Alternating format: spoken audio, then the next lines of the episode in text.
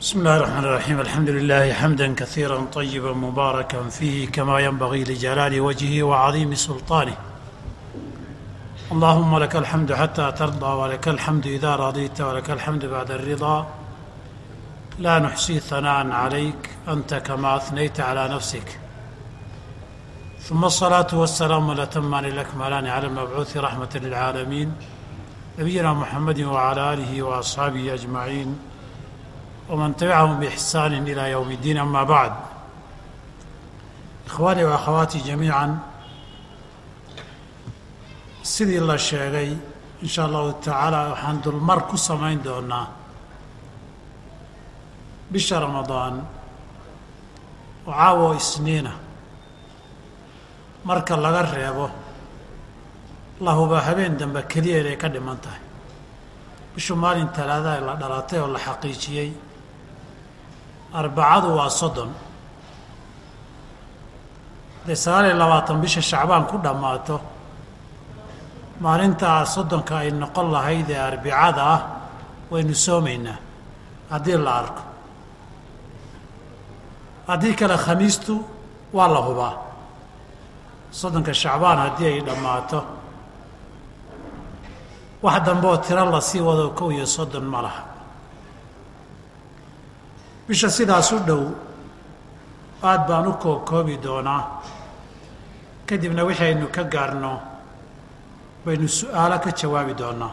Hal sabab baana asaas oo ah axkaamta inaan si koob kooban u yar dulmaro ramadaanku shariico iyo xukun cusub ma aha kii sanad hore aynu soonnay waa isla isagii kii boqolkii sane iyo kunkii sanee tegay muslimiintu soo soomayeen waa isagii.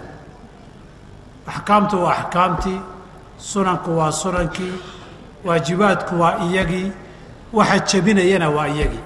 Mar kastoo ramadaan yimaado muxaadaraad baa axkaamta laga qabtaa khutab jumca lagaga hadlaa idaacadaha iyo telefishinada lagaga hadlaa kelimada koob kooban oo salaadaha gadaashooda iyo munaasabaada looga hadlaa marka axkaam cusub ma aha waa wixii xilligii nabi maxamed alayh isalaatu wasalaam lagu soo dejiyey ilaa hadda kun afar boqol iyo dhowr iyo soddon sano bay muslimiintu qarniba qarni ka soo dhexlayeen soonkeeda.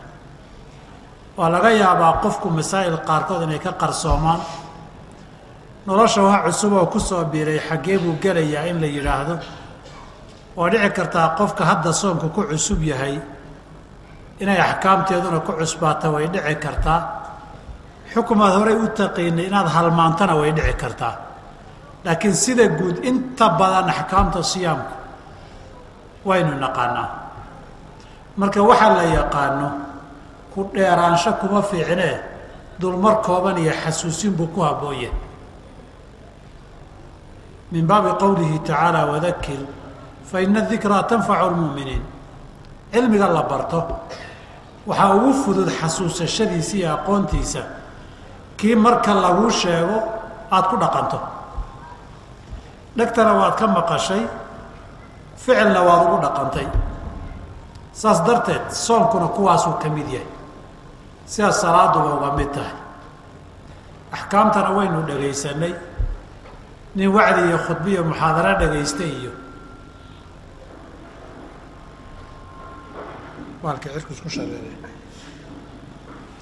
nin wacdi iyo muxaadare iyo khudbo dhagaystayna waynu leenahay in xeroysay oo akhrisatay oo kutub akridayna waynu leenahay waxaanse ka midaysannahay waynu k ku dhaqannay uu soo noqnoqday sanad laba saddex afartan konton qofba inta ilaahay cimriga ka siiyeyba. Dee waxaynu in badanna maqalnay in badanna ku dhaqannay dulmar kooban ku filan baan u malaynayaa. Wixii markaa mugdi ka sii gala qofkuna su'aal buu qoraal kaga soo dhigi karaa. Inkastoy badato laga yaaba su'aalaha intaad soo hormarisaan. Intaan hadalka hayo jawaabtii iyana inaan maro. Aada bay u dhacdaa. Waxaan rabaa toban qodob inaan soo qaada ama waaqafaadka toban aan ka dhigo.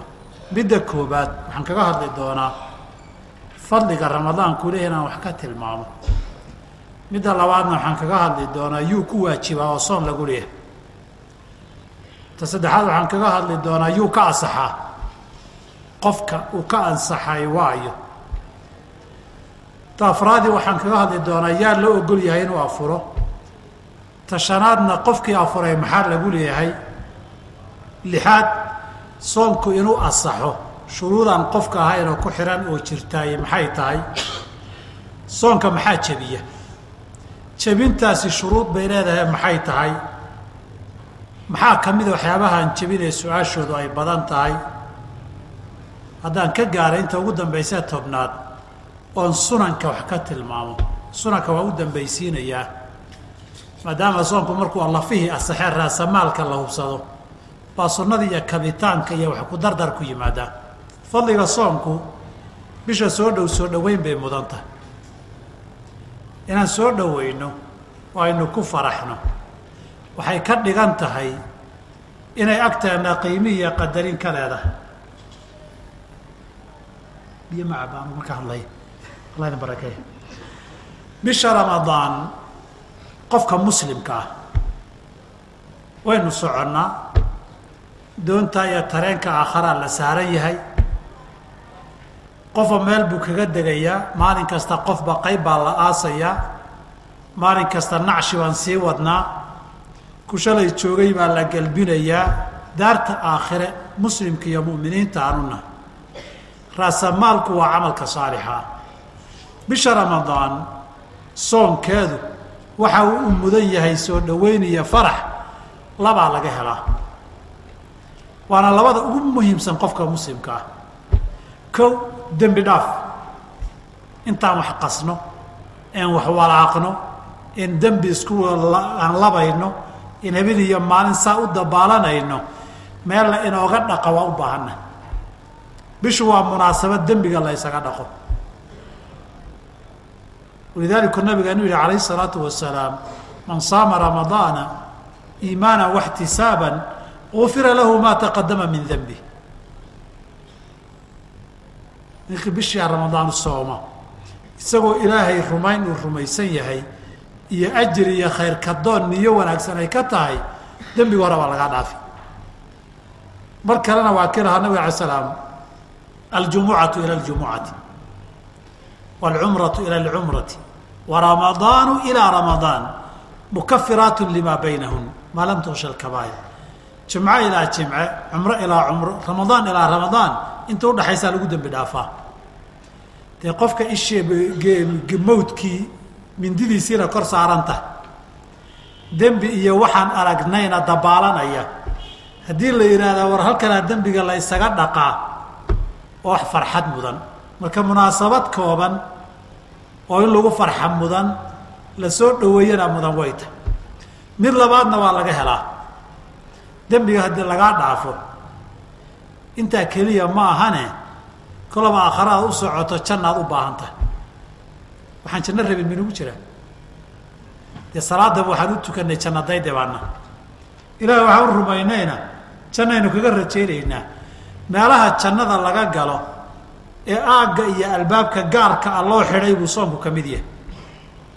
Soonku albaab buu ku leeyahay jannada albaabadeeda sideeddaa mid soonkaa iskale isaga laftiisana qiyaamada intuu yimaado buu soonku u garamayaa oo garyaqaanaya u doodayaa qofkii soomi jiray in jannada la geeyo naarta laga daayo. Oo nabigan ala slam wuxuu leeyahy soonka iyo jannada way soonka iyo qur'aanku qiyaamaday imanayaan. Iyagoo u shafaacaya u ergeynaya qofkii u doodaya qofkii soomay. Soonku wuxuu le ilaahayow ani dartay ha loo dacafiyo qofkan oo jannada ha loo geeyo maxaa yeelay cuntadii iyo cabbitaankii iyo shahwadu jeclaa baa intaan ka hor istaagay buu aniga aqbalay dartay buu u daayey maalinku hadduu joogay saa dartay hadduu u yeelay maanta dartay ha loo sii daayo.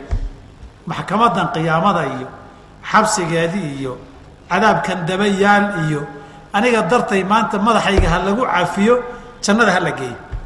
Waa badan maa daydayna dembigaagoo la dhaafay iyo jannaad ku geli munaasabadan dhowr iyo laba sagaal iyo labaatan ama soddonka maalmooda waa tii mudnayd marka inaan soo dhaweyno aan ku farxno. Laakiin nasiib daro dadka qaar baa soonka ka fahamsan gaajiyo on ugu naxdin badan soonku u dhashay in la yidhaahdo. Habeenka arbacada inagu soo socda dad baad arkaysaa baryayo ilaahayana dhalan ilaahayana bishu bilan ilaahayana bisha bilan buu leeyahay. Markuu sagaal iyo labaatan soomana si kasta wuxuu ordayaa in la afuro soonkii dhammaado. Qaar markaan la sheekaysta wuxuu ku leeyahay niyahu maalmahan waa naxsanahay maxaa dhacay? Soonkii waa soo dhow. Soonkii waa soo dhow buu leeyahay. Wuxuu ka fahamsan yahay waana la gaajooda soonku gaajiyo oon badan buu leeyahay.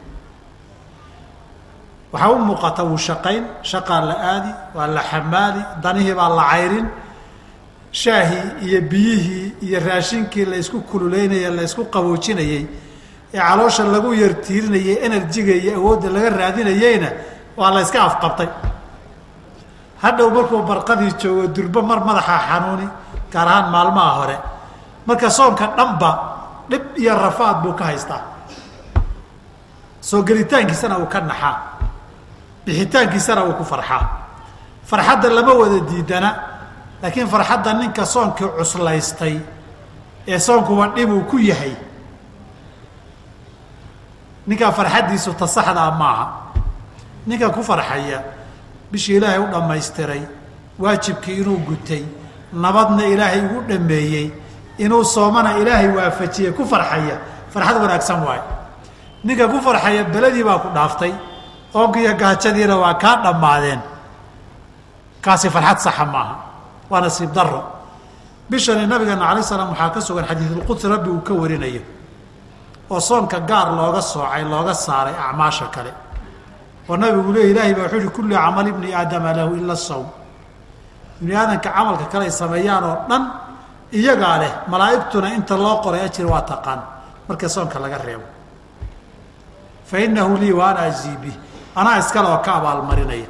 Maanaa abaalka soonku malaa'igtu ma oga bay culimmadu yidhahdeen inaad soontay bay qori ajirkana looma sheegin. Ajirka intaa la-eg iyo abaalka intaa la-eg baa ayaam kadib inagu soo foodhaya. Wuxuu u baahan yahay soo dhoweyn. Wuxuu u baahan yahay in lagu farxo. Oo ninka ilah qofka ilaahay gaadhsiiyo. Waa nicmo. Qul bifadli illaahi wa biraxmatihi fabidalika falyafraxuu huwa khayru ma yajmacuun xoolaha aan ururinayno soonkaasaa ka khayr badan. Haddii xoolihii way soo dhaceen iyo badeecaddii way timid iyo akawnkii lacag baa ku soo dhacday lagu yidhaahdo waad farxi. Saasi ka daran baa la doonayaa soonkii waa soo galay waa soo dhawaaday. Inaad farxdo kow laba ilaah inaad baryayso inuu ku gaadhsiiyo.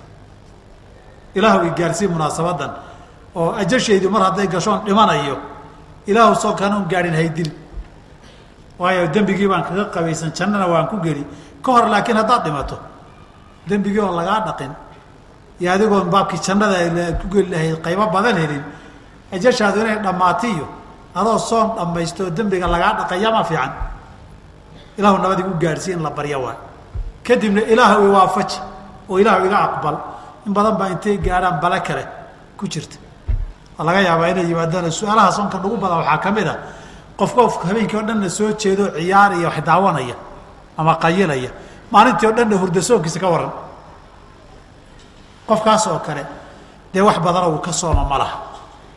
Inta aan kaga gudbo fadliga munaasabaad badan oo dambaa looga hadli doonaa. Qodobka koobaadi soonku yuu waajib ku yahay. Waxaan leenahay afar shardi qofkii laga helo soonku waa ku waajib. Kow waa inuu muslim yahay haddii uu gaal yahay soon laguma leh. Haddana intii loo yeedho soon la odhan maayo. Hadduu soo islaamana soonkii aad qeedka ka tagtay qadee la dhihi maayo. Gaalka soon waajib kuma aha axkaam baa ka dhalan doonta. Axkaam badan baa ku salaysan oo ka dhalanaysa. Ay ka mid tahay gaal guriga kaaga shaqeeya ama gaal shaqaalo ku ah ama aada madax u tahay oo gurigii kana shaqaynaya shaahiina ku karsanaya ama ku cunaya ama xoogay birrufta ku soo qureecanaya qadayn lahaa aada siinaysa adoo madax ka ah masaa'il badan baa halkaa hoosgeli doona. Laakiin hadda waxaan joognaa yuu waajib ku yahay ko waa inuu musliya gaal soon waajib kuma aho bimacnaa soonna la dhihi maayo qadeena la dhihi maayo. Shardiga labaad qof maankiisi iyo maskax leh oo caqli leh oo wax kala garanaya waa inuu yahay. Qof waalan soonkuma waajibo. Dadkaan caqliga lahayn waa saddex. Intaan caqli la'aantaa saddex waayo.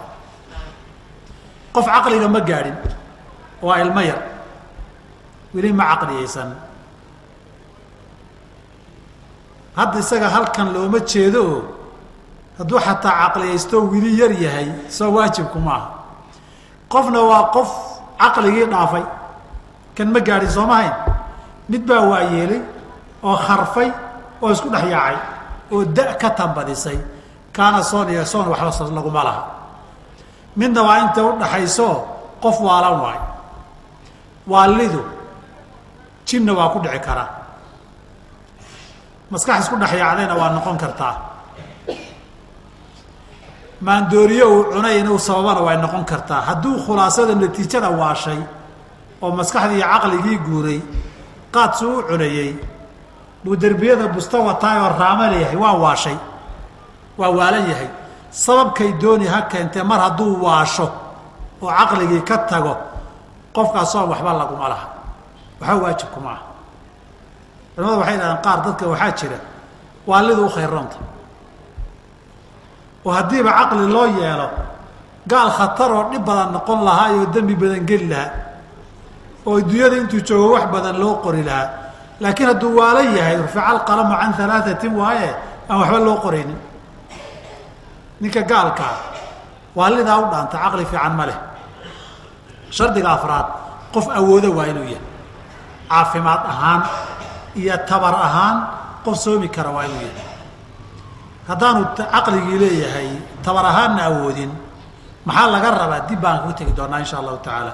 Saas darteed waxaynu leenahay qofka soomku waajib ku yahay waa muslim qaangaara qodobkaasaan ka tagaan u waa inuu qaangaadh yahay.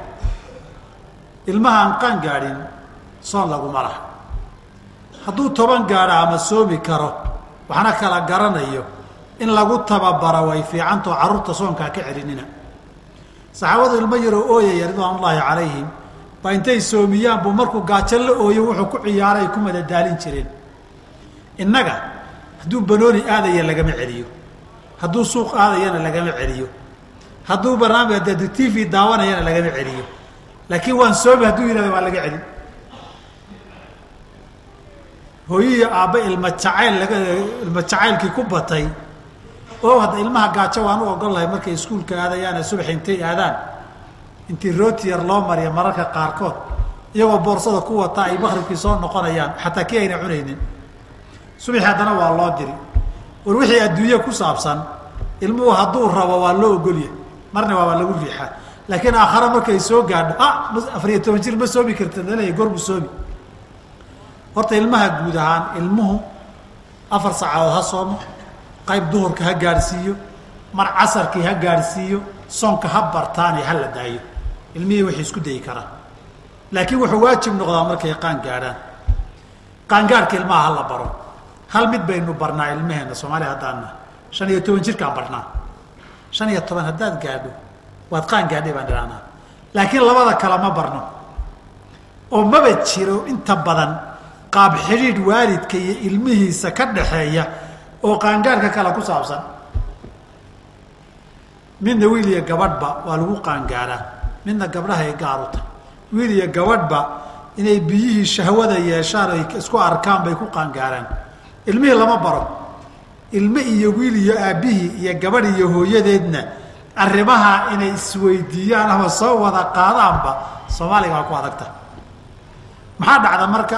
Ilmihii inuu qaangaaro mana garanayo soonkii waa ku waajib waalidkuna da-dii shan iyo tobanka halkaa calaamadaasuu fiirsanaya maada qaangaarin buu leeyahy waa horana. Ilmihii hoos buu ka qaangaaray. Saas darteed waalidka waxaa laga rabaa ilmaha waad u sheekaysaane intaa u sheekaysaan iyo macalimiinta dugsiyaduba waxaa laga rabaa macalimiinta dadka u ah ilmaha qaabka qaangaarka iyo shahwada nooceeda calaamadaheeda midabkeeda waxaa lagu garta ilmihii in la baro waa wax qasab oo ku soo socdo ismari doono. Waa waxay axkaam sharciga oo waajib iyo wuu dambaabay iyo qalinkii raqiib iyo catiid baa lala dulfuulay baa ka dhalanaysa. Marka ilmihii raashinka si loo cunana waan barnaa. Si magaalada loo maraa dharka loo xidhana waan barnaa. Bug iyo qalinkana waan barnaa. Laakiin halkii diiwaanka aakhara looga bilaabi lahaa suu ku garan lahaa bari mayna sax maaha. Waxaa saddexeeya gabadha caada inay ku dhacdo. Hooyadu gabadha caada inay barto oy kala sheekayso oy u sheekayso iyadoo haddayna bariyaa bari gabadheeda. Waxaa dhacda marar badan laba labadaba. Ilmo qaan gaaray oon loo sheegin oon isla garanaynin. Waa dambe buu ogaanayaa inuu labadii sane u dambaysayba soonkii ka tegay waajib ku ahaa. Su'aalaha badanaya marka. Anoon ogeyn oo qaangaari waa soon iga tegey waalidkuna maadan qaangaarin isuguu leh way dhacdaa. Waxaa labaadoo dhacda ilmihii inuu isku arko waalidkiina wax xiriir iyo ka wada hadala kama dhexeeyo baabkaas uu xishoodo la gabado. Waalidkii maada qaangaarin uu yidhaahdo. Isna waxaanaan isku arkay uu ka xishoodo. Sidaa lagu afursiiye marka. Oo ku dhihi waalidkii baa igu yidhi saana waan xishoodo waan kula hagaagi waaye xiriirkaa marka horeba xumaa. Arrimahaas waa inay ka xidhiidhaan waalidka iyo ilmuhu ilmahana qaangaadhka in la bara waa qodobka xigee saddexaad dadka soonku ka asaxa waa dadkee dadka uu ku waajibay kama wada asaxo dad uusan ku waajibinna wuu ka asaxaa dad waxaa jira uunan waajib ku ahayn laakiin uu ka asaxayo dad waxaa jira uu waajib ku yahay laakiin uunan ka asaxaynin saas baa sababtay qodobkan inaan gaar u soo qaadno. Dadka uu ka asaxayo dadka saddex shardi laga helay qofkii laga hela way baasoomi karaa qofka soonka loo ogol yahay ee ha sooma la leeyahay ee soonkii laga rabay inta kora waa yahay hadduu waxyaabaha kala ilaaliyo ay tahay oo qofka saddex qodob laga helay waa inuu muslim yahay. Gaal hadduu yidhaahdo waan tijaabin soonkiina islaamkaan u akrinayo waxaa lagu leeyahy weli ma islaamin laakiin bishii wuu nala soomay. Hadduu iska tababaranayo dee qolyo caafimaad iyo xebo kale isaga cuntada isaga daaya way jiraane soon sharciga maaha. Waa inuu muslim yahay gaal soon ilaahay kama aqbalo.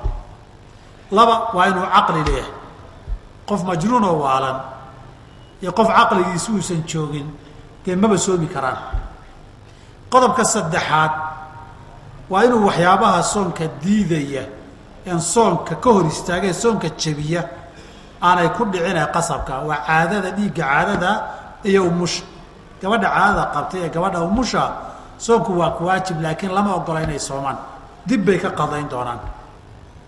Iyadana saddexdaa shardi baa looga baahan yahay. Qodobka afraad soonku markay bishu soo gasho dadkii guudee uu ku waajibi jiray qaybo loo ogol yahay inay afuraan baa jira.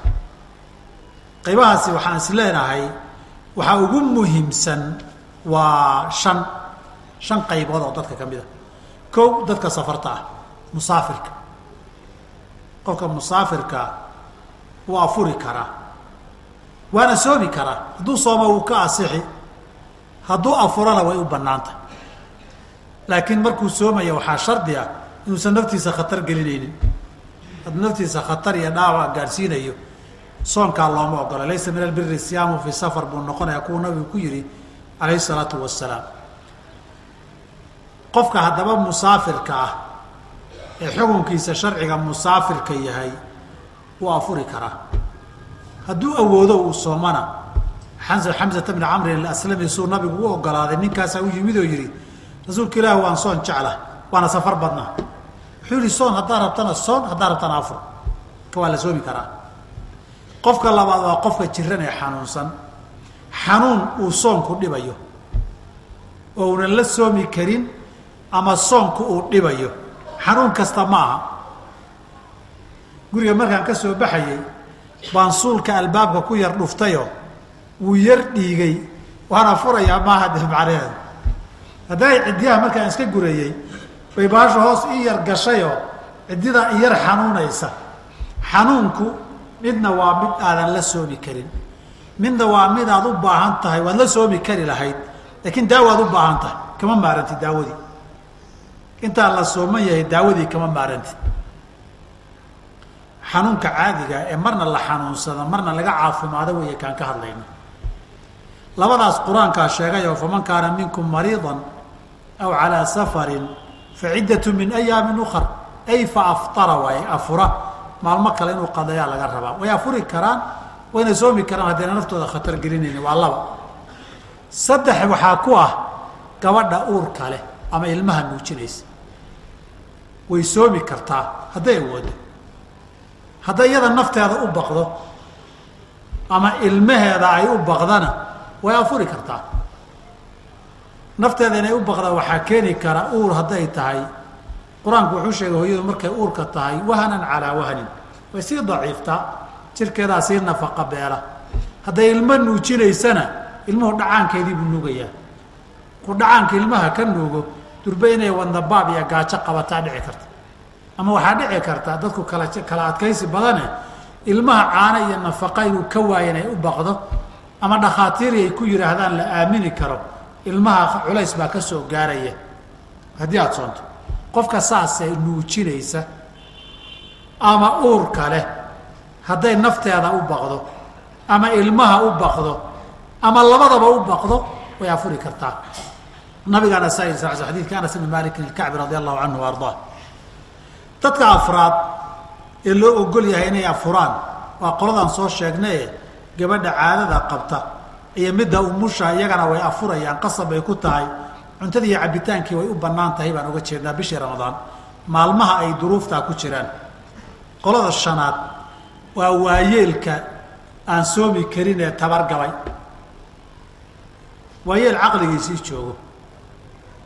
Cimriga ilaahay siiyeyna gaaray heer uusan awoodin inuu soomo. Isna inuu iska afuraan loo ogolyahay shantaasaa ugu muhiimsan dadka inta inay afuraan loo ogolyahay qodobka xigaa waxaan ka hadlaynaa marka dadkaa maxaa laga rabaa? Dadkaa afuray maxaa laga rabaa? Ma doonayo inaan gala tafaasiil faahfaahin fara badan laakiin markii nusuustu ina naskaa sheegay waxa laga rabo ina aayad iyo xadiidtoona gaar uma caddayn oo uma sheegin ijtihaadaad culimo wey inta culimmadu ku ijtihaadeen madaahibta muslimiinta iyo culimmada iyo khilaafaad baa jira intan quda sheegtay nusuustu waa laba qaybood waxaanan is leeyahay culimmadu say u badan yihiin jamhuurta labadaa un wixii kalena in la kala raaciya habboon inaan fiirinaa asaasa sababta u afuray qofka maxay tahay ma wax joogto ah mise waa wakti kooban ku eg dadna sababtay u afureen. Waa sabab kooban. Safar weeye. Dadku de sida haalibkaa cimri safar lama noqdo. Safarta waqti inta la negi yahay iyo inta safar la yahay dadka badankii inta la negi yahay baa badan. Ee reeraha la joogo. Marka laga reebo nin bas wadi iyo nin taraag saaran iyo nin diyaarad iyo ta wadi iyo oo waddada sii saaran oo sii socda soo socda oo iyagana mujtamaca bulshada marka loo eego nisbe ama basantage ama boqoleyda wax yar ka ah. Axkaamtuna sida caamka haalibka lagu saleeyaa. Ma safarka kowdhe? Maradkii aayaddu ay sheegtay jirooyinkan waa la xanuunsadaa waa laga kacaa madaxa xanuuna caloosha xanuunta meel baa laga qabtaa fay haddana waa laga boodaa. Caadada gabadhu maalmay haysaa fay way ka boodaa umushu maalmo ama bil iyo wax lamida afartan beri bay ugu badnaan socotaa fay waa laga boodaa. Kuwaasi qadaa laga rabaa. Qolana cudurdaarkoodu ay u afureen sababtay u afureen dhammaansho ma leh. Sababkuu afuray cimrigaaga ku furta waayo. Qof waa yeelay oo awoodi waayey. Inta aynu naqaano xataa haragga kore inta la jeex haddii la geegeejiyo. Tabardaradii waa sideedii qof waa yeelayna dee ma soo xoogaysto. Waxaa la mid a qofkii jiradiisu joogtada ay tahay ee la yidhi cimrigaaga inta kaaga laaban xanuunka waa uun kula socon inta la ogyahay ilaahay waa mucjizo waa ku ridi karaa waa caafin karaa ama dawadan waa joogto cimrigaaga. Qofka cudurkiisu joogtada yahay xanuun buu u afuray xanuunkana rajo uu ku caafimaada ma qabo. Cimri iyo da buu u afuray cimri iyo dana lagama soo kabta dee nabigana ala sooma dhihin. Xanuun kasta ilaahay dawu u soo dejiyey. Cudur kasta oo duniyada ka dhaca inaan lagu waafajinin waa baabkeeda. Laakiin dawuu leeyahay markii laba laga reebo. Gabow iyo geeri. Midna dawo ma leh. Geeri dawo ma leh. Soomaalida waxay dhaheen? Saddex. Lagama kaco ama lagama lagama ilhelo cudur geeri og baa ka mid aha xanuunka ku haya hadduu geeri dabada ku hayo weligaaba dhakhtar kasta u yeedh cadhays xisu ahaan jiray ninka yidhi ninuu melagiisu galay maruhu mawd buu ka celin masale weeye aanan maqal. Mar haddii waktigaa u dhammaado haddii maro lagu saari iyo haddii dhakhaatiir laguu geeyi iyo meel walbo lagu geeyo dhakhtarkii laftiisa sooma dhimanayo. Dawada lagu siinayo kii dawada sameeyey laftiisaa dhiman. Markay jashu dhammaato malakumowdku ma yaqaana kan waa dhakhtar iyo kan dawooyinkuu sameeyaa iyo kan waa dadweynihii caadiga ee isbitaalka ma jiray midna ma kala soco. Saas darteed geeridu ilahi subxaana wa tacaala qofkii wuu yarayn karaa mucjizada ilahay awoodiisa waxba kuma ah lakiin waynaan baran. Haddaba labadaasi maalintiiba miskiin bay quudinayaan. Waxaan dhahaynaa marka qaacidada ay culimada u badan yihiin waxaa weeye dadka sababtay u afureen sababahan dhammaanaya sida safarka iyo xanuunka iyo xaydka iyo nifaaska ay yihiin qadaa laga rabaa. Waxaa la mid a uurka iyo nuujintu waa wax go-an oo dhammaada. Dadka xanuunkoodii iyo sababtay u afureen ay joogto tahayna dee shalay buuba u afuraye iyadoo taagan meeluu ku qadeeyaba ma laha jaanis iyo fursad qadaba ma laha iyaguna waxay bixinayaan fidyada maalin kastaba miskiin bay siinayaan. Maalintii miskiinka mud baa la siinayaa baa la yidhi. Mudkaa la siinaya mud maxaa la dhahaa waa suus afar loo dhigay midkii way rubuci waay rubuc suus waay. Oo suusow imisaad tahay laba kiiliya badh waay. Uu badnaan. Haddii laba kiiliya badh weeyaan idhaahna suus mudkii laba kiiliya badh un baan afar u qaybin. Lix boqol labaatan iyo shan miya garaam. Kiilada haddaad iska dhamaystirtana ziyaadatu khayr iska dheh. Marka lix boqol iyo labaatan iyo shan garaam baa maalintii caydhiina waad ku bixin kartaa isagoo bisilla qofka intaad raashin karaysa waad dharjin kartaa hal mar baad ka dhigi kartaa waad qayb qaybin kartaa hadba sidaad adigu awoodee kuu fudud baad samaynaysaa. Inta qofkii caqli leeyahay. Qofkii intuu waayeelay caqligii tagay oo kharfay laa soom walaa fidye midna laguma laha. Dadka waxaa lagu leeyahy qodobka markaa ka baxo qodobka xiga ama masalada toddobaad. Waxyaabaha lixaad baan leeyahay soonku inuu ka asaxaad aad u baahan tahay adoo muslima oo caqligii leh oo waxyaabihii soonka diidiya oo xayd iyo nifaas gabadhii aanay lahayn haddaad rabto inaad soonto. Labaad u baahan tahay. Laba arrimood inaad ilaaliso. Inta soonku ramadaankaan ka hadlaynaa inaad habeennimo niyooto waa kow. Waxyaabaha soonka jebiyan inaad iska ilaalisana waa laba. Labadaa rukni baad u baahan tahay.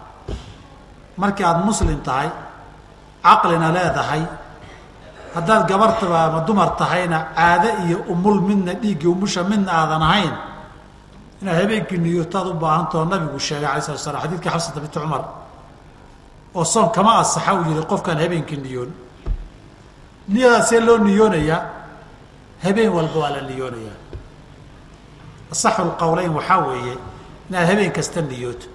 Jumlo la niyoodo habeenka bilowgiisiya ramadaanka bilowgiisiya ma asaxayso waayo soonku hal cibaado isku xidhan maaho maalin walba waa cibaado madax bannaan oo fajar ka bilaabata maqribna ku dhammaata. Walidaalika asixitaankiisu iskuma xidhna. Shalay intuu kaa asaxay oo maanta kaa jabo buu berina kaa asaxi salaada la mid maaha. Salaada hal niyaa lagaa rabaa maxaa yeelay intay ragcadda hore kaa asaxdo oy ta labaad kaa burto tad saddexaadna kaa asixi mayso. Waa cibaado hal xabaa waay. Soonku laakiin waa bil laakiin maalin walba waa maalin madax bannaan. Maalin walba madax bannaanya niyo cusub buu u baahan yahay. Niyadu niyo in lagu hadla u baahan ma jirto. Dadkeennu niyadii ha lagu dhawaaqo markii la yidhi arrin kalay dhalisay. Qofkan wuu soo toosay wuu suxuuranayaa maxaa uu suxuuranayaa inuu soomuu rabaa haddana subxii buu ku weydiina xalay maana niyoonin. Oo niyada ka reerabtay maxay ahayd niyada macnaheedu waa inaad markaad seexanayso ku talagashan tahay. Berri inaad soonto. Saadaad ku seexato hurdo kula tagto aadaanka aad ku kacdo niyadii way ku jirtaa. Waad soo toostay suxuuratay. Maxaad u suxuuratay? Inaad soontaan rabtaa. Wanaad suxuurtay kici hadhow hay halmaamin ee suxuurta. Muxuu saa u leeyahay inuu soomuu rabaa? Intaasay niyad niyadu waa ku talagal. Inaad berri soontaad ku talagashantahay intaa waay. Wax kalood u baahan tihiin iyo laysu meeriyo lagu qabtaa ay jiraan qodobka toddobaadi waxaynu nidhi soonku wuxuu kaaga asaxaa inaad niyadiina la timaado waxa soonka jebiyana iska ilaaliso. Maxaa soonka jebiya waay marka? Waxa soonka jebiya haddaynu soo ururinno dee waxaa la tiriyaa wuu badnaanaya wuu inagu badnaanayaa. Shan qaybood baan isugu keeni karnaa. Qaybaha qaarkood inay farabataan oo magacyo badan yeeshaan baa laga yaabaa qaybta koobaad waxaan leenahay cunno iyo cabitaan waay inaad cuntadu cabto waana qaybta ugu khatarsan waaye soonka jebisa salaada subax hadday soo gasho ilaa salaada maqrib ay soo gasho cunto iyo cabitaan lama ogola. Cuntada iyo cabitaanku waa laba nooc marka. Mid toosa iyo mid dadban midna lama ogola. Midka tooska ihi waa afkooda wax ka qaadata waaye raashinka aad cunto sharaabki inaad cabto wuxuu dooni ha noqde ama daawo ha noqdo ama cunno ha cabitaan kale ha noqdo midda dadbanna cuntada iyo cabitaanka waxaa loo qaataa inay oonka iyo gaajadana kaa bi'iyaan awood iyo tamar ama energyna ku siiyaan baa loo qaataa iyagii waxaad sida wixii booskaa buuxinaya oo irbadahan enerjiga ah iyo irbadahan iyo faleebooyinkan cuntada iyo cabitaanka booskooda gala waa cunno iyo cabitaan dadban waayo saas darteed waxaynu intaa isugu geyn cunto iyo cabitaan soonka waa jebiyaan. Ama toos ha noqdaan mid muuqda ama mid dadban ha noqdaan. Soonka way jebiyaan. Waxaan labadaa midna ahayn. Cunno iyo cabitaan ahaan soon u jebin maayo. Irbad baa gacanta laygaga duray.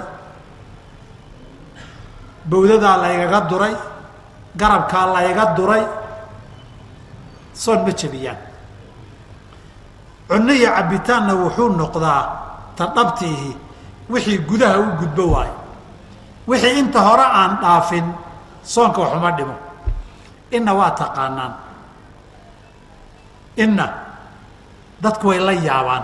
Laakiin qodobka dambaha kuwaa ugu tegi doonaa dadku ay moodaan inay soonka jebiyaan laakiin aan jebin. Waxaa la mid oo labeeya shahwada. Shahwo gudashadu soonka way jebisaa iyadana waa labadii mid toosah iyo mid dadban midda tooska ah. Waa xiriir goboleed oo rag iyo dumar dhex mara. Xalaal iyo xaaraan kuu dooni ha noqdo. Soon jebinta way ka midaysan yihiin. Haddii uu xalaal u sameeyo qofku iyo hadduu xaaraan sameeyaba dembigii xaaraantinimada ha isdheeraadaan laakiin soonka way wada jebinayaan halkaasaynu ka hadlaynaa labadaba soonka way jebiyaan. Macnaheedu inay siman yihiin si kale maaha laakiin soon jebinta waa u siman yihiin. Waa midda tooska ah. Midda dadban maadaama xadiidkii lahaa qudsiga yadacu طacaamahu wa sharaabahu wa shahwatahu min ajli. Waxaynu nihi sharaabka iyo طacaamka waxaa soo gelaya ka tooska iyo ka dadban. Wa shahwatahuna ka tooska iyo ka dadban baa soo gelaya. Midka tooska waa garateen soo maha midka dadban waa kee shahwada dadban ay yaa sheegi shahwada dadban yaa sheegaya shahwo gudashada dadban yaa sheegi kara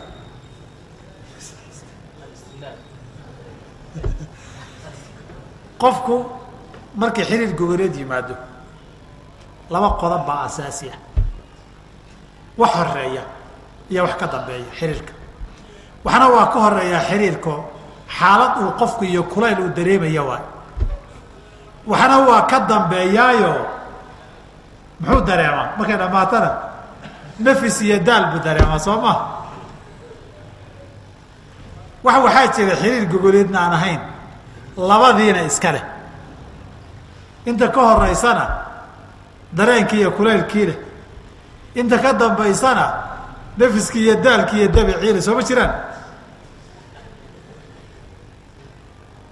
kaas soomaali carigaa ku dhaco sheegay noqoto kukaajaa nin oo aqaanaa wey shahwada oo la yska keena waay. Ama carabiga caada siriya la yidhaahdaa istimna baa la yidhaahdaa jaldi camiirana waa la yidhahdaa saddexdaba kutubta ugu qoranta. Soomaaliga soomaalida laakiin hal magac bay leedahay soo ma? Hal magac bay caan ku tahay waxaa u taqaanaa baan siigaysi waa u taqaanaa. Qofkani qofkii xiriir goboleed sameeyey markii hore intuu dareemayeyna waa un la wadaagaa marka dambe intuu dareemayeyna waa un la wadaagaa bilowgiina waa isaga mid natiijadiina waa isaga mid. Maxay ku kala duwan yihiin? Qaabka loo loo shahwo bay kala duwan yihiin. Kana cunadii iyo cabitaankii gaajana waa dareemayey. Marka dambena gaajadii waa ka ba'aysaa waa yeelanayaa laakiin sida loo qaatay in baa kala duwan.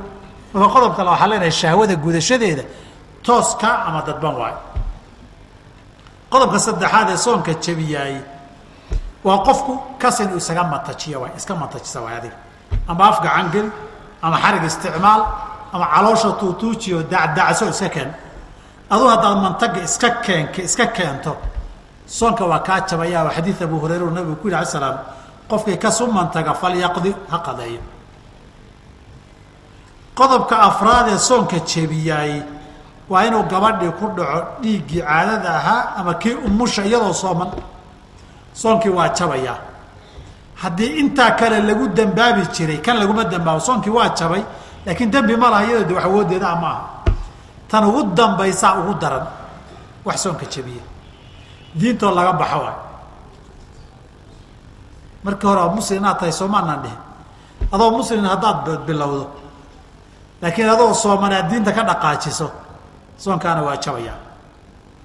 Marka waxaad u baahan tahay intaad sooman tahay o hade diinta inaad ka baxda adoon ku talagelinna way dhici kartaa.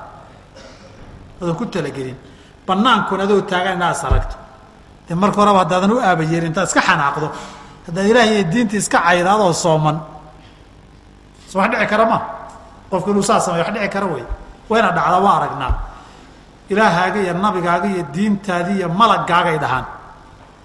Intaa markaa cayda dee muslim ma tiid soonkaagina waxba kama jiro waa buriye marka. Waxaa kuugu sugu darmaday soonkaoo kaa jaba iyo de soon maxamed ka sheegi.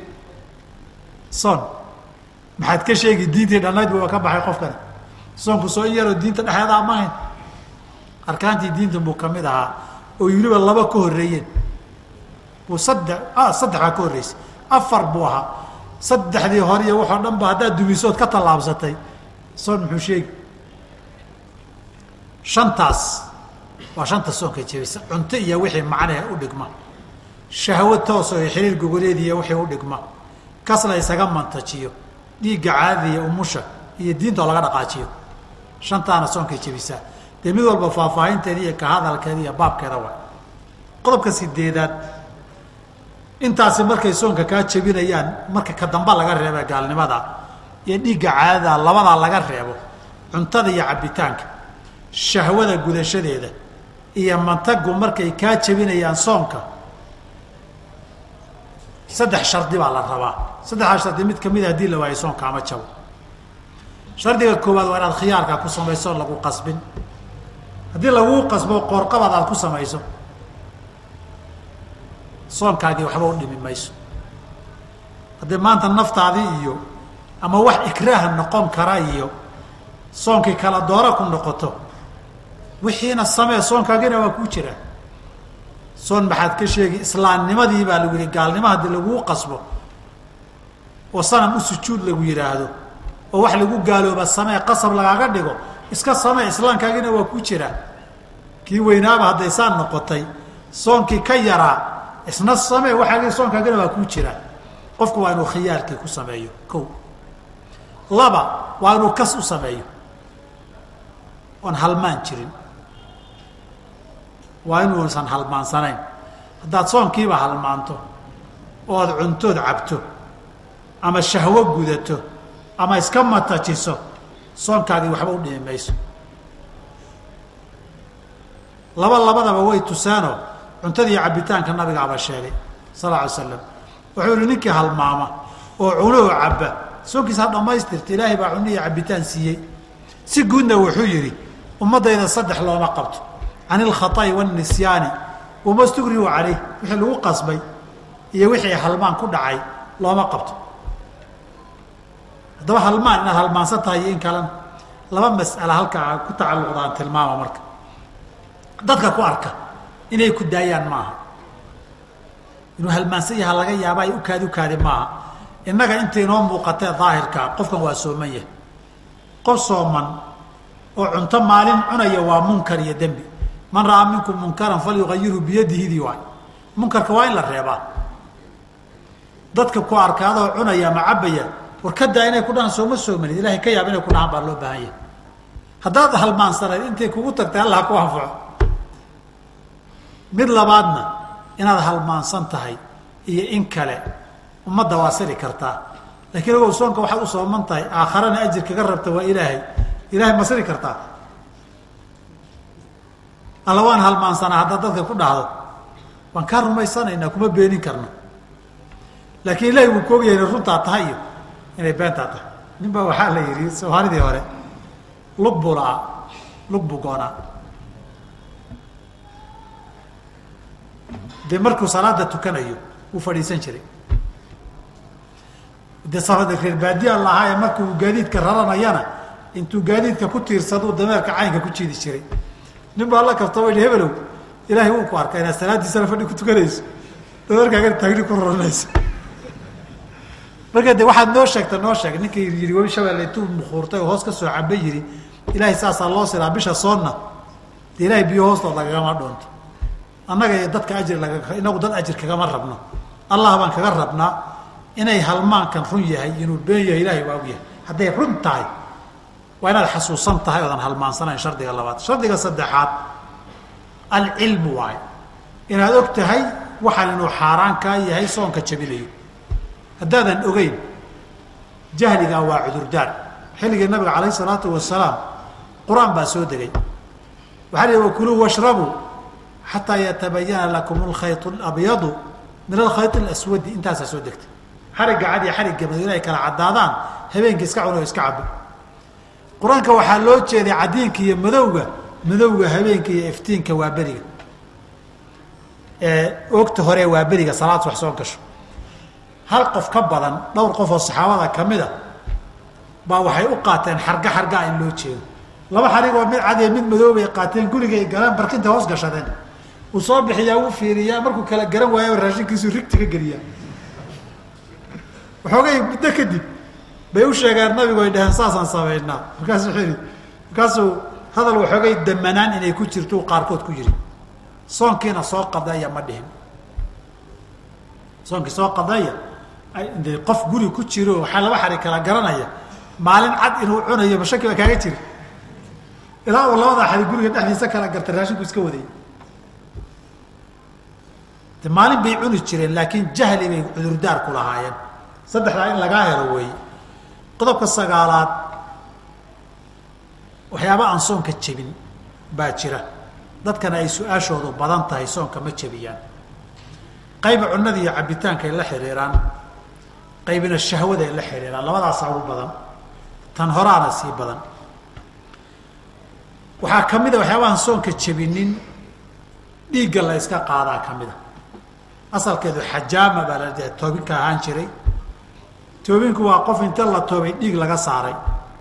Dhiig lagaa saaray iyo dhiig lagaa qaaday ama adiga ha lagu baadho.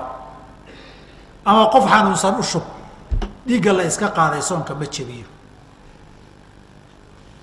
Haddii adigii ay baahi keentay xanuun iyo caafimaad ama qofkaasi baahi adag haysay ood intaad u shubtay aada adkaysan weyday oo soomi weyday soonkii khatar ku geliyey waa lagu ogolyahay inaad afurto.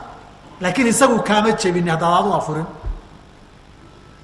Saas darteed su'aalahan faraha badan ee dhakhtar baan tegey baadhis baan u tegey dhiig baa la iga qaaday dhiig baa la iga shubay qof baan dhiig u shubay waxyaabahaasoo dhan nabar baa igu dhacay oo dhiig baa iga yimid. Waxaasoo dhan wixii kaa yimid ee dhiiggaaya lamidka ahaa soonka ma jebiyaan. Waxaa lamida wax kastoo afka laga qaato oon uurka iyo caloosha u daadegin soon ma jebiyo. Wixii intan afka a ku ekaada. Mushkilad ma laha waxaanaad afka gelisay inaad ka dareento qajidhadu ay dareemaan. Inuu kulul yahay inuu qabow yahay inuu kharaar yahay inuu macaan yahay inuu dhanaan yahay inaad dareentahay soon ma jebiso. Waxyaabaha way fara badan yihiin marka. Qayb waynu naqaan waana wada ogna. Waanan samaynaa soonkeennana ma jebiso. Isma weydiino. Waad weysaysataa waad luqluqataa. Biyahan afkaad gelisay afkii iyo ilkihii iyo intanay ku jiraan soo maa hadday hoos u daadegaan way kaa jebi soonka. Hadday qabow yihiin waa dareemi markaa afka geliso. Hadday biyuhu dhana ama kulayl yihiinna waa dareemi. Dareenkii aad dareentay waxba ma biinin cadayga waan qaadanaa ama burushkaan qaadanaa waan cadayanaa dawadana cadayga markaad ku cadanaysa sooma dareentid. Dhadhankeedu noocuu yahay ee kulayl ma ku jiriyin kale cadayga caadigaa afkaan gelinaa carabka aan xoqnaa kor baynu cadaynaa waan iska soo tufnaa. Cadaygan waa ul aan banaanka ka keenon afka gelinay ma jebin soo maa intaa waa naqaan. Kuwa idin aqonaadin ku daro. Dhadhaminta raashinkaa lamida raashinkiibaad maraqa gacanta gelisay carabkaa saartay inuu cusbo in kale. De maxaad samaysay halkay biyuhu gaari jireen baad gaarsiisay maadaa meel kala geey dareenkaa dhadhanka dareemay. Oo biyaha kulayl iyo qabow iyo dhana iyo inay dhanaan yihiin iyo in kale somadaa dareemi jirin. Cuntadaa haddaba waad soo qaaday cadka hilibko iligaad gelisay waad rugtay inuu bislaado iyo in kale. De isaga ma suugihiiba haddaad liqday wuu kaa jabin laakiin halkaa haddaad ka soo celiso waa halkaad biyaha ka soo celinaysa mushkilad male tan waan la yaabnaa marka tan dhaminta raashinkaa intay gaadheen waa intay biyuhu gaadhayeen. Waxaa la mid ay culimmadeena hore ka hadleen xanjada la rugo xanjadu soonka ma jabaysaa baa laga hadla xanjadaa laba loo qaybiya marka. Xanjana waa xajo dhacaan ku jiroo maalmaysa oo wax ka soo duxu yeelanaysa.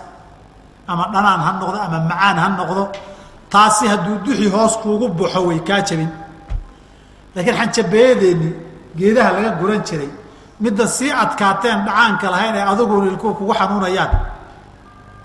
Ee adiga candhuufta dhalinaysa. Iyadu ma jabinaysaa soonka? Waxay dhaheen maya. Waayo maxay gaadheen? Wax ka maalmaya. Oo ka soo duxaya oo hoos u degaya hadduusan jirin. Xaggay gaadhay ilkahanun bay taaganta ilkahan soo kuwa cadaygii biyaha geynaysa ma. Dee wixii ilkaha gala gaadhaba hadduu jebinayo biyihii cadayguna dee ha jebiyaan laakiin tan waa joogtaan u samaynaayo waan la qabsanay kuwana waa nagu cusub yihiin waxaa la mid oon jebinin dadkan ama neefta ama caburka qaba.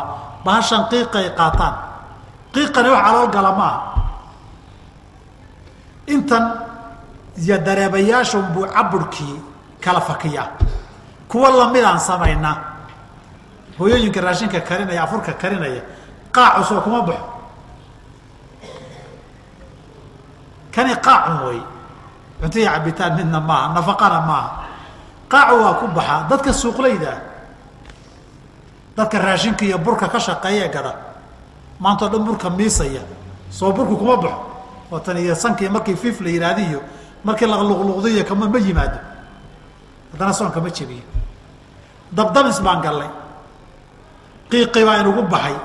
Hadhow markaa kaak bahal qiiqiyo dambasaa kaa soo go'ay waxba soonkaaga jebin maayo banaankaasaynu marnay. Islion roob ka diin. Baad wadadaasoo furan oon laami ahayn mataatuuguna ku caraabayaad garab qaaday. Maxaad filaysaa markaas? Qiiq badan boor badan inuu ku galo. Ama banaan garoon oon ciid lahayn baad galabtii barooni ku ciyaartay. Orodkaad ordaysay hadhow markaa kaak tiraahdo. Soo maa maxaad soo tufi? Ciiddii baad soo tufi boorhka ahaa haddana shaki kama qabno soon ma jebiso. Markii bahashan la buufinayo la yihaahdo baa hadalku yimaadaa way way nagu cusub tahay wax kale maaha. Iyadaa nagu cusub. Qaaca saas oo kaleetaana ma jebiyo. Markaynu nidhi waxaan energy ahayn jebin maayo. Waataan soo tilmaanay irbadaha meelaha la isaga duray iyo wax ma jebiyaan. Ilig baa la iga saaray. Su'aalaha aada u yimaada. Iligii markii lagaa saaraya dee biyihii waxbaa la isticmaalaya hadday hoos waxu degeenna wuu kaa jabi. Haddii kale iliga la soo saarayo dhiigga ka yimi soon ma jebiyaan cunno iyo cabitaan ma aha. Laakiin saboosaan hoos ka qaatay. Saboosos mataqaanaa baashan gadaal laga qaato. Ama xanuun baabiyaa loo qaataa ama xubnaha ay xaajadu marto adkaaday iyo xaajo ku dhegtay dabcinteed baa loo qaataa ama sababo kalaa loo qaataa saboosadaasi ma jebinaysaa maya. Way waa wax inta hoose dabcinayo jeejee ama xanuun baabi'iyo uun sidii irbad xanuun baabi'iyaa waa ha maane. Cunno iyo cabitaan midna la macno maaha. Wax calool iyo jawf u dhaadhacana maaha. Mid kalaa jirta oo kukaajaa nin u aqaanaa oo kalea aad baa naloo weydiiyaa waxaa la yidhi wadaadku hadduu qaadi noqdo ama su'aalaan ka fatwoono waan jawaabi uu yidhaahdo wax badan oo dadka waxbaa ku soo noqnoqon ku soo noqnoqon ku soo noqnoqon ku soo noqnoqon. Isaga caadi bay la noqon. Dadkuna wax dhib badan oon afka la soo marin karinoo dhegta aan u fiicnayn bay dadkana u tahay. Sabab darteed mararka qaarkood waxaa laga yaaba inaad tiradan wadaadada xishoo darana. Si naloo weydiinaye naloogu celcelinayey annaga caadi nala noqotay? Waxaa arki jiray galbeedkaas. Rag soomaaliya baa markay tageen ay u horreysay bay meel degeen. Guriguu degay baa la baraya xaafadda waxaa la yidhi adigu qoys baa tahay halkan waxa kaa waa qoys kuwa dhinacan kaana waa qoys. Kan wuu garaystay oo rag iyo dumar baa ka soo baxa. Kan laba nin baa ka soo baxa wuxuu kan waa iska ambulay qoysee ku yahay way isqabaan baa layidhi labada nin way isqabaan baa layidhi naxdin taagnidu ka dhici gaadhay way ku cusub tahay mogta muddo markii la joogay caadi bay noqota intay iska hor yimaadaan hay way isdhahayaan wuxuu markuu kugu soo noqdo oga dambe caadi bu kuu noqon. Taa hadday caadi noqota nooga garaabo waxaa noo cudurdaara. Waxyaaba badanoo markaan sheeg sheegayno. Idinku aad yar foorasanaysaan baa jira laakiin annaga caadi nooa su'aalaha nala weydiiye aad u batay. Weliba gaarahaan dadku markay qoraal wax kugu weydiinaya aadan aqoonin. Ama telefoon wax kugu weydiinayo is og yahay inaadan garanaynin. Wuxuu u baahan yahay sibuu cad buu ku weydiin. Waxaa la yihi qofka ugu roon baa ku dhihi waxaa la yihi in allaha laa yastaxyi min alxaq ee xaqama sarigtay su'aal buu u baahan yahay inuu sharxana wuu qasban yahay suu xukunka sharciga u helo. Marka waxyaabaha qaarkood baan soo wadaa waan intaa afeefanaya waxaa su'aalo nala weydiiyaa gabdho badan baa dhakhtar baadhis u taga. Baadhistii meelo gudaha ama gacanta in lagu soo ogaado loo baahdaa ma dhacdaa dhalinyarta aadu garan mayaana ka daayi. Dhalinyaraha meesha u badane soonka ma jabiyaa maxalu shaahidku maya waxani waxa cunto iyo cabitaan guda u dhaadhacay maaha. Kuwaasina soonka. Ma jabiyaan wixii la mid ahna intaa kadib ay u sii riixna ka qiyaas qaada adigu. Waxyaabaan soonka jabinin qaar xiriirka goosha la xidhiidhaa jira. Xiriirka goosha wixii shahwo gudasho ka sokeeya soonka ma jabiyaan wixii shahwo la gutay ka sokeeya toos iyo si dadban wixii ka sokeeya. Soonka ma jabiyaan istataabashadii baa ka mida isdhudhunkashadii baa ka mida isqoorqooraysigii ismucaaraqayntii baa ka mida waxaasoo dhan haddaan wax ka dambeeya dhicin soonka ma jabiyaan soonka ma jabiyaan markaan leenahay dembina ma aha haddayna wax kale ku gelinin abu laakiin waxaa lagu talinayaa waxaa lagu talinayaa ninkii dhalinyaro ah. Ama enerjiya awood badan isku og isku yaqaana. Inuu isaga fogaado. Agga inuu ka fogaada lagu talinaya. Ninka oday iyo waayeelah ama marka horeba taagaya tabar badan oo baabkaas aan isku ogeyn isaga dhibaato male maxaa looga jeedaa ninkii ama dhalinyaraa ama awood badan isku og hadduu aga marmaro. Yushiku an yaqaca fiihi waay wanxama xawla alxima yushiku an yaqaca fiih waxaa laga yaabaa talefarihiisa inay ka baxdo. Inay talefarihiisa ka baxdo ayaa laga rabaa. Ayaa laga yaabaa. Abu hureyra wuxuu leeyay nabig alay slam nin baa u yimid anoo la fadhiya. Markaasu rasuulka anoo sooman xaaskayga ma taataaban karaa ee waxoogay ma doo doocin karaa. Markaasuu wuxuu yidhi hadhi ma laha an halkii anagoo fadhiya ninkii waa iska tegay nin kalea yimido su'aashii lafteedu weydiiyey. Markaasuu wuxuu ku yiri uri maya. Labadii nin baan fiiriyo kii hore nin odayga waayeelu ahaa ka damba in dhalinyaro jamjamo xoog badan buu ahaa.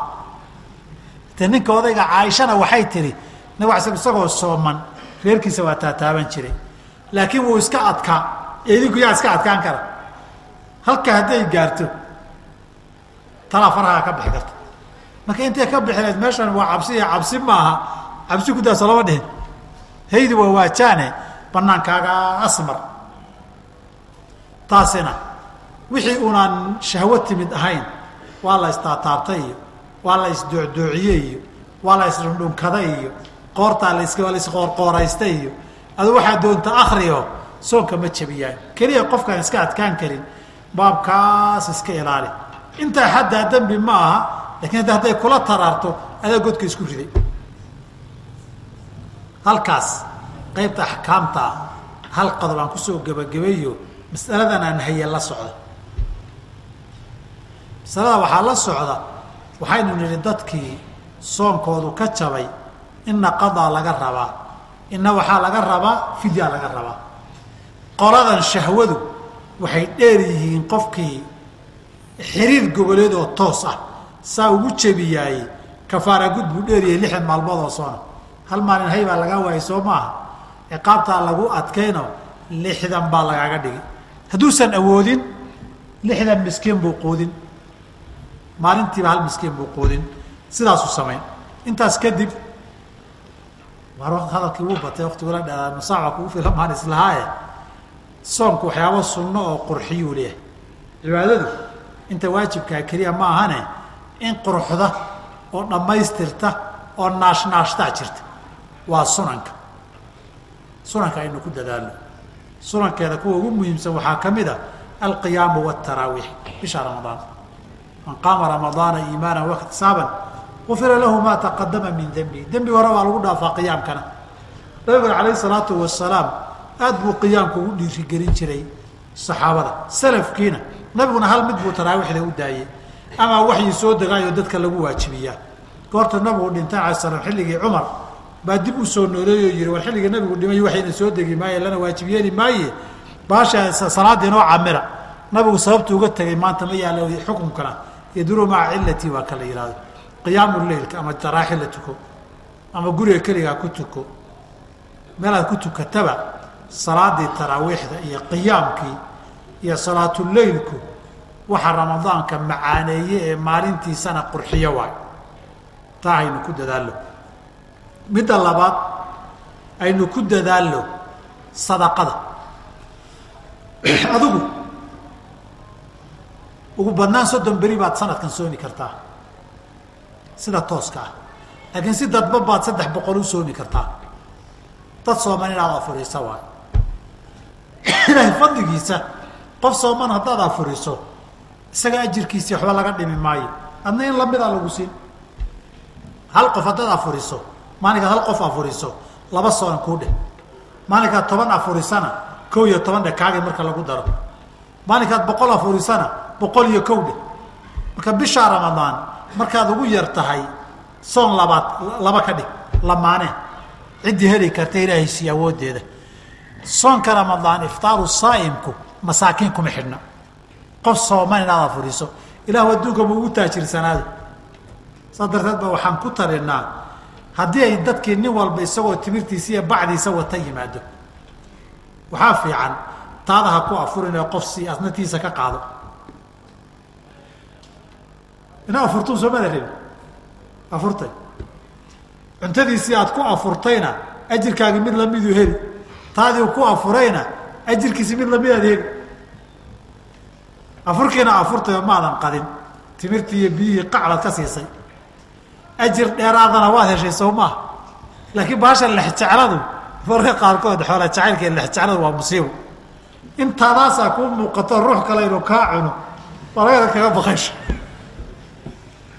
halkaa biyaha iyo dhowrkaa xabaa timirta adigaa lahoo isa iyo xoola jacaylka adu inaad cunto ma maxay yeeli bacda iyo biyaha uu kaa haysta haddaan ka qaato siiyo ajirna aan helo. Isna ajir uu helo.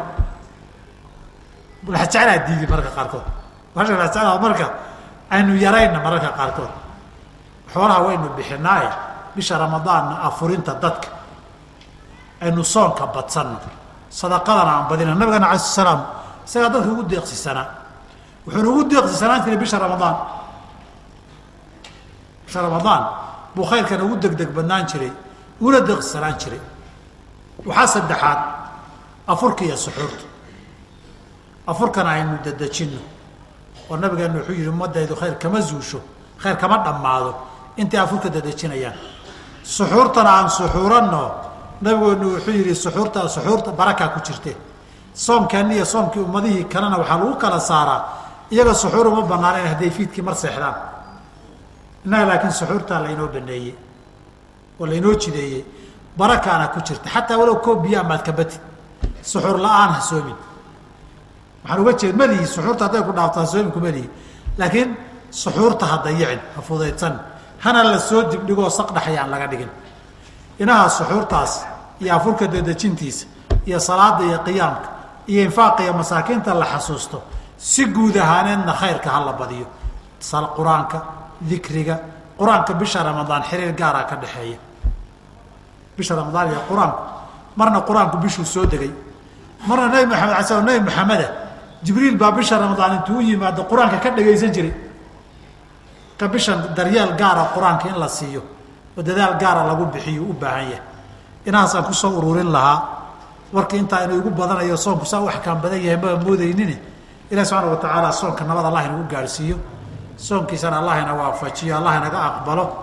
Ilaahi subxaana watacaala waxyaabaha soonka ka mashquuliyo jebiyana allah inaga ilaaliyo. Ilaahayna haynaga aqbalo acmaasheeda. Ina waafajiyana haynaga aqbalo